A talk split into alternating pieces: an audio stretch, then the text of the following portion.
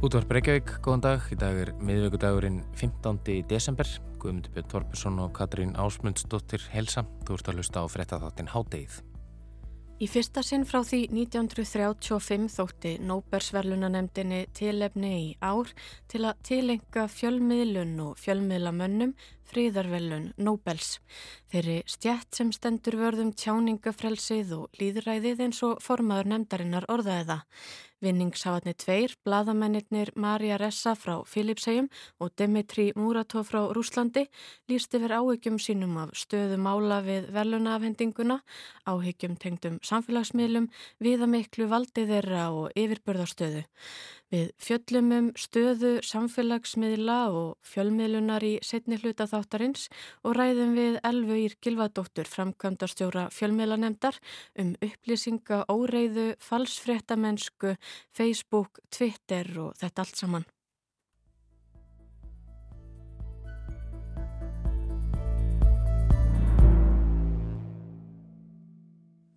En við byrjum í mið Östurlundum. Á dögunum fjallaði Katrín hér í hátæðinu um að vopna sala blómstri í miðjum heimsfaraldri. COVID-19 fær vist ekki stöðað hildarleiki og stríðsherjar jæmt sem ríkistjónir viða um heimverslan og vopn sem aldrei fyrr. En þrátt fyrir það verðist nú sem risavaksinn vopnasölu samningur bandarækistjórnar við saminuðu arabísku fyrstadæmin vera raunin út í sandin, í byli allavega. Persaflóríkin hafa výbúist rætt síðustu misseri og mannirtindarsamtök gaggrína vesturveldin fyrir að hagnast á výbúnaðar kapplaupinu meðal annars með skjálfilegum afleðingum fyrir almenna borgara í Jemen þar sem sprenginum regnir. En það eru þó ekki mannriðtindar sjónamið heldur efnahagslegar deilur bandaríkistjórnar við frakka og kynverja sem hafa sett þessi vopnakaup í uppná. Hingaði komin Gunnar Hafn Jónsson, bladamæður og sérfræðingur í málöfnum miðausturlanda. Velkomin Gunnar. Takk. Gunnar, hvernig tengjast hagsmunir þessara fjarlægu og ólíku ríkja í gegnum vopnakaup saminuð arabísku fyrstadafan? Nú er þetta, nú er þetta ekki ríki sem er oft í, oft í fréttum en, en ég ætla að segja að eignast einhver tæknilega fullkomnustu vopn sem völur á. Já, þetta eru þau vopn sem þeir ætla að kaupa eru F-35 þóttur svo kalluð eða voru búin að panta fyrir uh, 23 miljardar bandaríkjadólara á valdatíð Trumps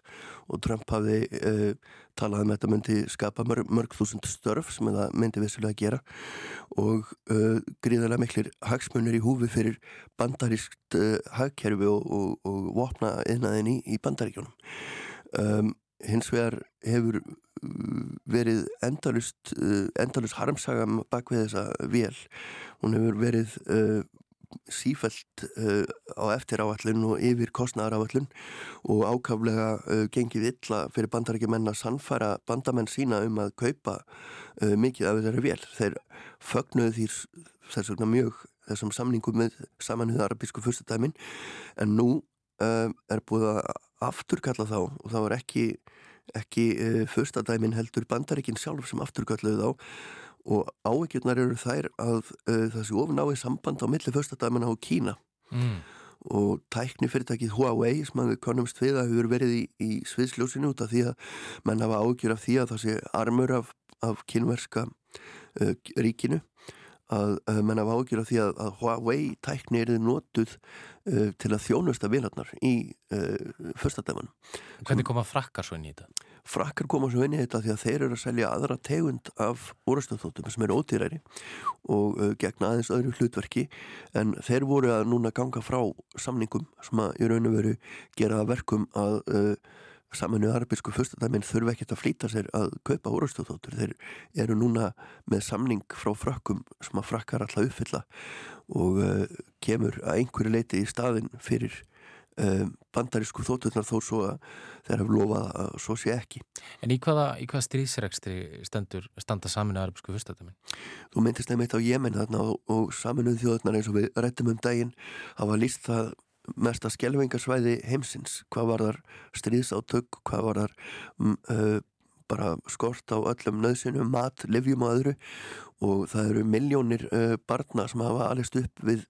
langvarandi næringaskort munu aldrei nokkur tíma ná sér eftir það. Þetta er búið að geisa í, í, með mis, miklum hitta þarna í, í sjö ár og þetta gerir, gerir það verkum að menn líta til þess að segja allt til að nú eru vesturveldin loksins að hafa áhyggjur af því að þeir hafa áhyggjur af einhverju njóstamálum með Kína en þeir eru eins og var ekkert að móti því að uh, selja vopnin sem heldur áfram að, að búa til þetta skjálfilega ástand sem er í, er í Jemen og hefur verið notað til þess að króa landið af. Þetta er ekki bara vopn, þetta er ekki bara sprengjur sem eru varpað á borgara þó það sé vissilega gert heldur er þetta líka uh, Uh, hvað kalla maður tundudubl sem eru nótið til að, að stoppa hafnir og komið vekk fyrir viðskipti og flutning á nöðsynum uh, En þessar F-35 orustu þúður sem þú talaður um áðan. Uh, þetta er svona það allra, allra nýjasta og flottasta sem að bandaríkin eða bandaríka heri hefur upp á bjóða og hluti af já, vöru línu sem fyrsta dæmin og sátar hafa verið að kaupa í mörg ár. Uh, og passar ég hvað ekki endilega saman við annan, annan tækjabúnað. Um, Þú nefndir þetta aðeins með frakkana áðan, eh, þeir geta, já, þeir geta kift af þeim, af þeim eh, vélar, aðrar vélar, er hægarsattin gert að við búast bara með tækning frá öðrum löndum? Það er einmitt, getur verið alveg 5, 6, 7 ára prósess að, að breyta þá hvernig þjónustun uh, við vélarna fer fram að því að tæknin er önnur.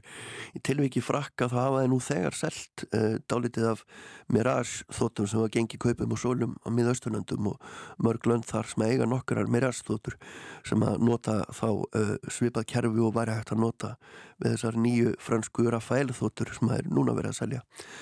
En uh, það sem er fyrst og fremst verið að gera með þessu held ég frá sjónarhól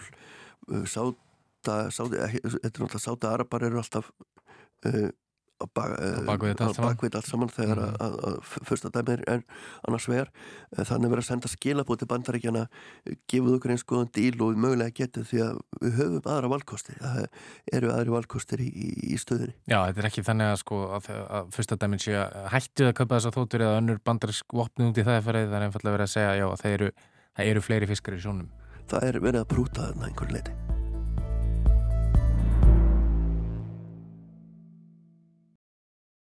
Í hádeginu í gær fjöldluðum við um fríðarverlu Nobels og vinningshafana tvo, bladamennina Maríu Ressa frá Filipsegjum og Dimitri Muratov frá Rúslandi. Þau hlutu verlunin fyrir að berjast fyrir líðræði og fjölmiðla og tjáningafrelsi á tímum þar sem því er ógnað og þar sem bladamönnum er bókstallega oft ógnað eins og hefur verið raunin í tilfelli Ressa og Muratov. Vinningsafarnir lístu yfir ímsum áhyggjum af ástandinu, þróuninni og stöðunni í heiminum almennt og einnig innan fjölmiðla umhverfisins. Meðal áhyggja þeirra voru samfélagsmiðlar og vald þeirra, sérilagi með tilliti til upplýsinga, óreiðu, falsfréttamennsku og áhyggjur af því að bandarískir samfélagsmiðlar og netrísar misnoti yfirbörðarstöðu sína. We journalists lost our gatekeeping powers and the new gatekeepers is technology, social media companies that have essentially watered down facts, made it so that lies laced with anger and hate actually spread faster and further than facts. That's the core of the problem.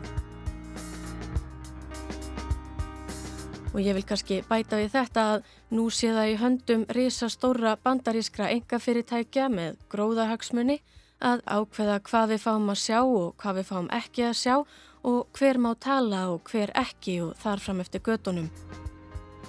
Við bárum máliðundir Elfu Ír Gilvadóttur framkvæmdastjóra fjölmiðlanemdar. Ég held að það sé bara mjög mikilvægt að hafa það í huga að þessi stóru samfélagsmiðlar og í raun og veru leitarvélar líka, vegna þess að leitarvélar klæðskera sauma líka upplýsingar út frá því hvað við erum búin að vera að leita að áður. Þetta eru í raun og veru svona reysa fyrirtæki dagsins í dag og hafa mörgur leiti kannski jafnvel meiri völd heldur um bara stjórnvöld einstakra ríkja. Vegna þess að þetta eru fyrirtæki sem að mörg hver eru eins og Facebook, Google sem eru með miljardar notenda sem að spanna í raun og veru allan heiminn. Mörgum stöðum til dæmis í heiminum eins og bara í Suðaustur Asi og, og viða þá þá í raun og veru er talað um interneti sko sem Facebook, það er bara ingangurinn inn á internetið. Þannig að þessi fyrirtæki bera alveg gríðarlega mikla ábyrð og þau bera ábyrð líka á því að vera inn á mörgum þar sem að það eru ólík menning, það eru ólík tungumál, þau eru kannski ekkit endilega að fylgjast mjög vel með hvað hefur verið að gerast. Þetta sjáum við til dæmis bara í því sem að hefur verið rætt um svona að þau hafa ekki verið að bregðast við eins og, eins og Facebook til dæmis í Myanmar þegar, þegar það kom allt saman upp en líka í raun og veru bara í aðdraganda kostinga uh, í hennum ymsu ríkjum þar sem að náttúrulega þetta tímabil uh, á undan liðræðslum kostingum er gríðarlega mikilvægt og viðkvæmt tímabil og mörg lönd eru náttúrulega með ákveðna reglur og lögum það hvað má segja og hvað ekki og jafnvel svona eitthvað svona umhugsunar tíma strax í hérna undan kostningadegi og svo framvegs og náttúrulega bara með þessu öllu þá, þá er bara búið að setja þetta allt saman á kvolf og það er í sjálfisir kannski heldur engin svona lögjöf sem að tekur á þessu þannig að þessi fyrirtæki eru sjálf að móta sér kannski reglurnar og, og eru að gera það svona eftir því sem að vandamálinn koma upp og, og jafnvel kannski of seint þegar eitthvað hefur gerst. Þannig að það er kannski ekkit skrítið að sjónum sjónir sko bara stjórnvalda og, og bara þá sem að eru að velta fyrir sig þessum málum sé beint að þessum fyrirtækjum.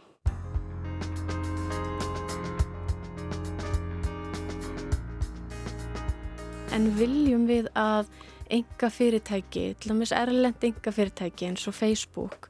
geti verið að stíga inn í og velja og hafna og ákveða hvað við fáum að sjá og hvað ekki og vitum við nægilega mikið um hvernig þau fara að því í rauninni?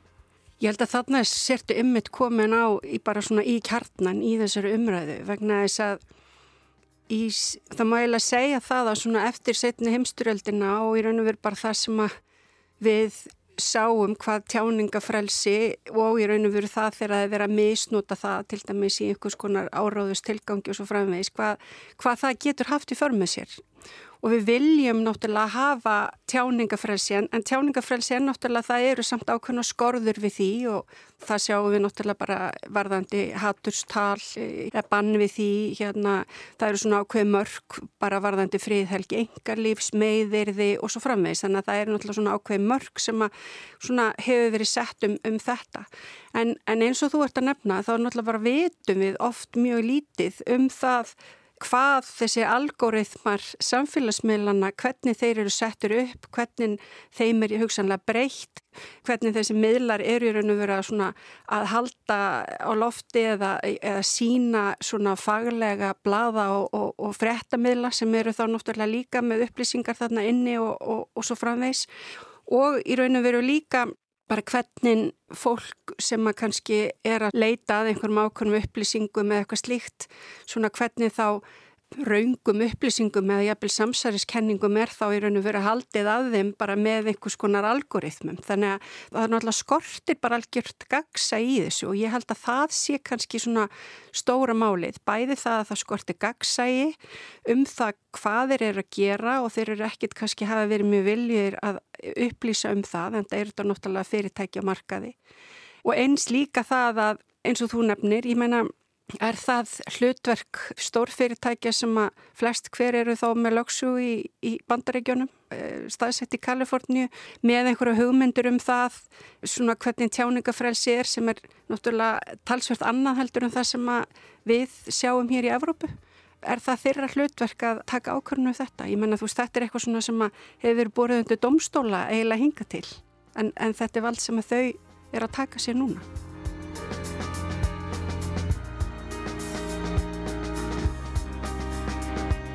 Og þetta eru þá líka í rauninni fyrirtækir sem eru ekki endilega með okkar hagsmunni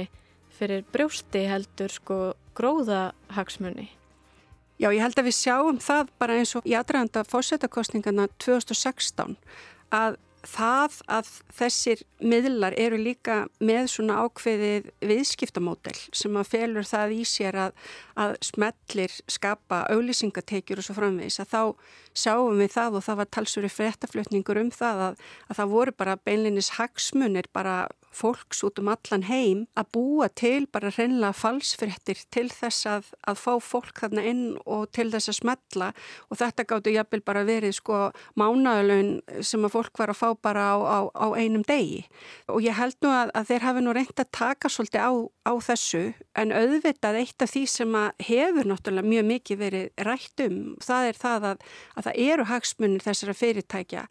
að fólk sé þarna inni, að það sé að skiptast á upplýsingum að ræða málinn kannski frekar heldur en það að eitthvað sé tekið út og svo framvegs og, og ég heldur mér þetta svona þessi síðasti leki sem að var að koma síni það bara mjög vel að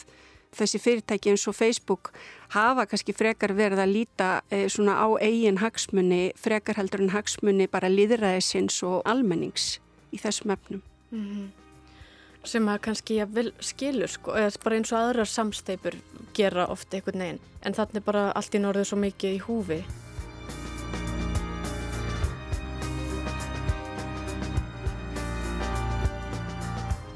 En hvað getur kannski við sem neytendur við sem kannski ætlum ekki að hætta á Twitter og Facebook og Instagram og allt, öllu þessu allavega ekki bráð, hvernig getur við samt sko varið okkur í rauninni, gagvart raungum upplýsingum, falsfréttum, upplýsingaóriðu og þarframöttu göttunum. Þannig er ég að hugsa um kannski svo miðlalæsið. Já, í þessu samhengi þá hefur verið alveg sérstaklega fjallað um þetta mikilvægi þess að ebla gaggrinu hugsun þannig að almenningi geti þá dreyið svona skinsamar álektanir af þeim upplýsingum sem að verður á, á vegi hans. Og, og þá hefur miðlalæsi ymitt verið nefnt í sögunar og þar er í raun og verið ekkert verið að tala um það að það sé verið að kenna eða segja fólki hvað eru réttar upplýsingar heldur í raun og verið hvaða spurningar þartu að spurja veist, til þess að, að geta dreyið réttar álektanir, bara þú veist hvaðan eru þessar upplýsingar að koma? Hver stendur á bakvið, er ykkur að hagsmunir þarna, er þetta trúverðugt? Er verið að fjalla um þetta í faglegu sjálfstæðu fjölmilum ef ekki, þú veist, er þá kannski einhver svona ástæða til þess að evast af hverju er þetta þá þarna? Er þetta þá ábyggilegur upplýsingar og svo framvegs og, og þarna bara sjáum við það líka að Við þurfum að gera miklu betur. Í rannsók sem að fjölmelanemt let gera núna í, í upphafi þessa árs að þá sáum við það í þeim niðurstöðum að átt að hverjum tíu sagðust það verið ekkist á upplýsingar og netinu á síðastu tól mánuðum sem að er efustum að veru sannar. Og, og við sáum það líka að, að þessi yngsti aldursópu sem við vorum að skoða sem voru þá 15-17 ára og síðan þessi eldri aldursópu 60 pluss voru kannski svona þeir aldurshópar sem að kannski voru viðkvamasti fyrir þessu og það þarf að bæta færnina þar verulega svona án þess að, að alhæfa um þessa hópa því það má heldur ekki gera það sko. En allavega þá, þá held ég að þetta sé gríðarlega mikilvægt að, að ebla þessa færni en það er samt engin svona allsherjarlust vegna þess að það náttúrulega það þarf margt að koma til að því við getum heldur ekki svona með eitthvað kerfislagt vandamál sem að þessi stór fyrirtæki eru kannski orðin, varpað allir ábyrðinni bara yfir á einstaklinga og sagt sko þið þurfum að finna útrúsu vegna þess að mjög mikið af þessu er kannski líka ofsalega ómeðvitað og maður átt að sig kannski ekki andila á því að það er verið að hafa áhrif á okkur og með hvað hætti það er. Akkurat, en það er allavega orðið vandarsamara að lesa fréttir í dagana var. Það er orðið e, vandasamara og, og, og ég held að það sé bara svona full ástæða til þess að við svona öll kannski skoðum hvort við getum bætt færð nokkar með einhverjum hætti.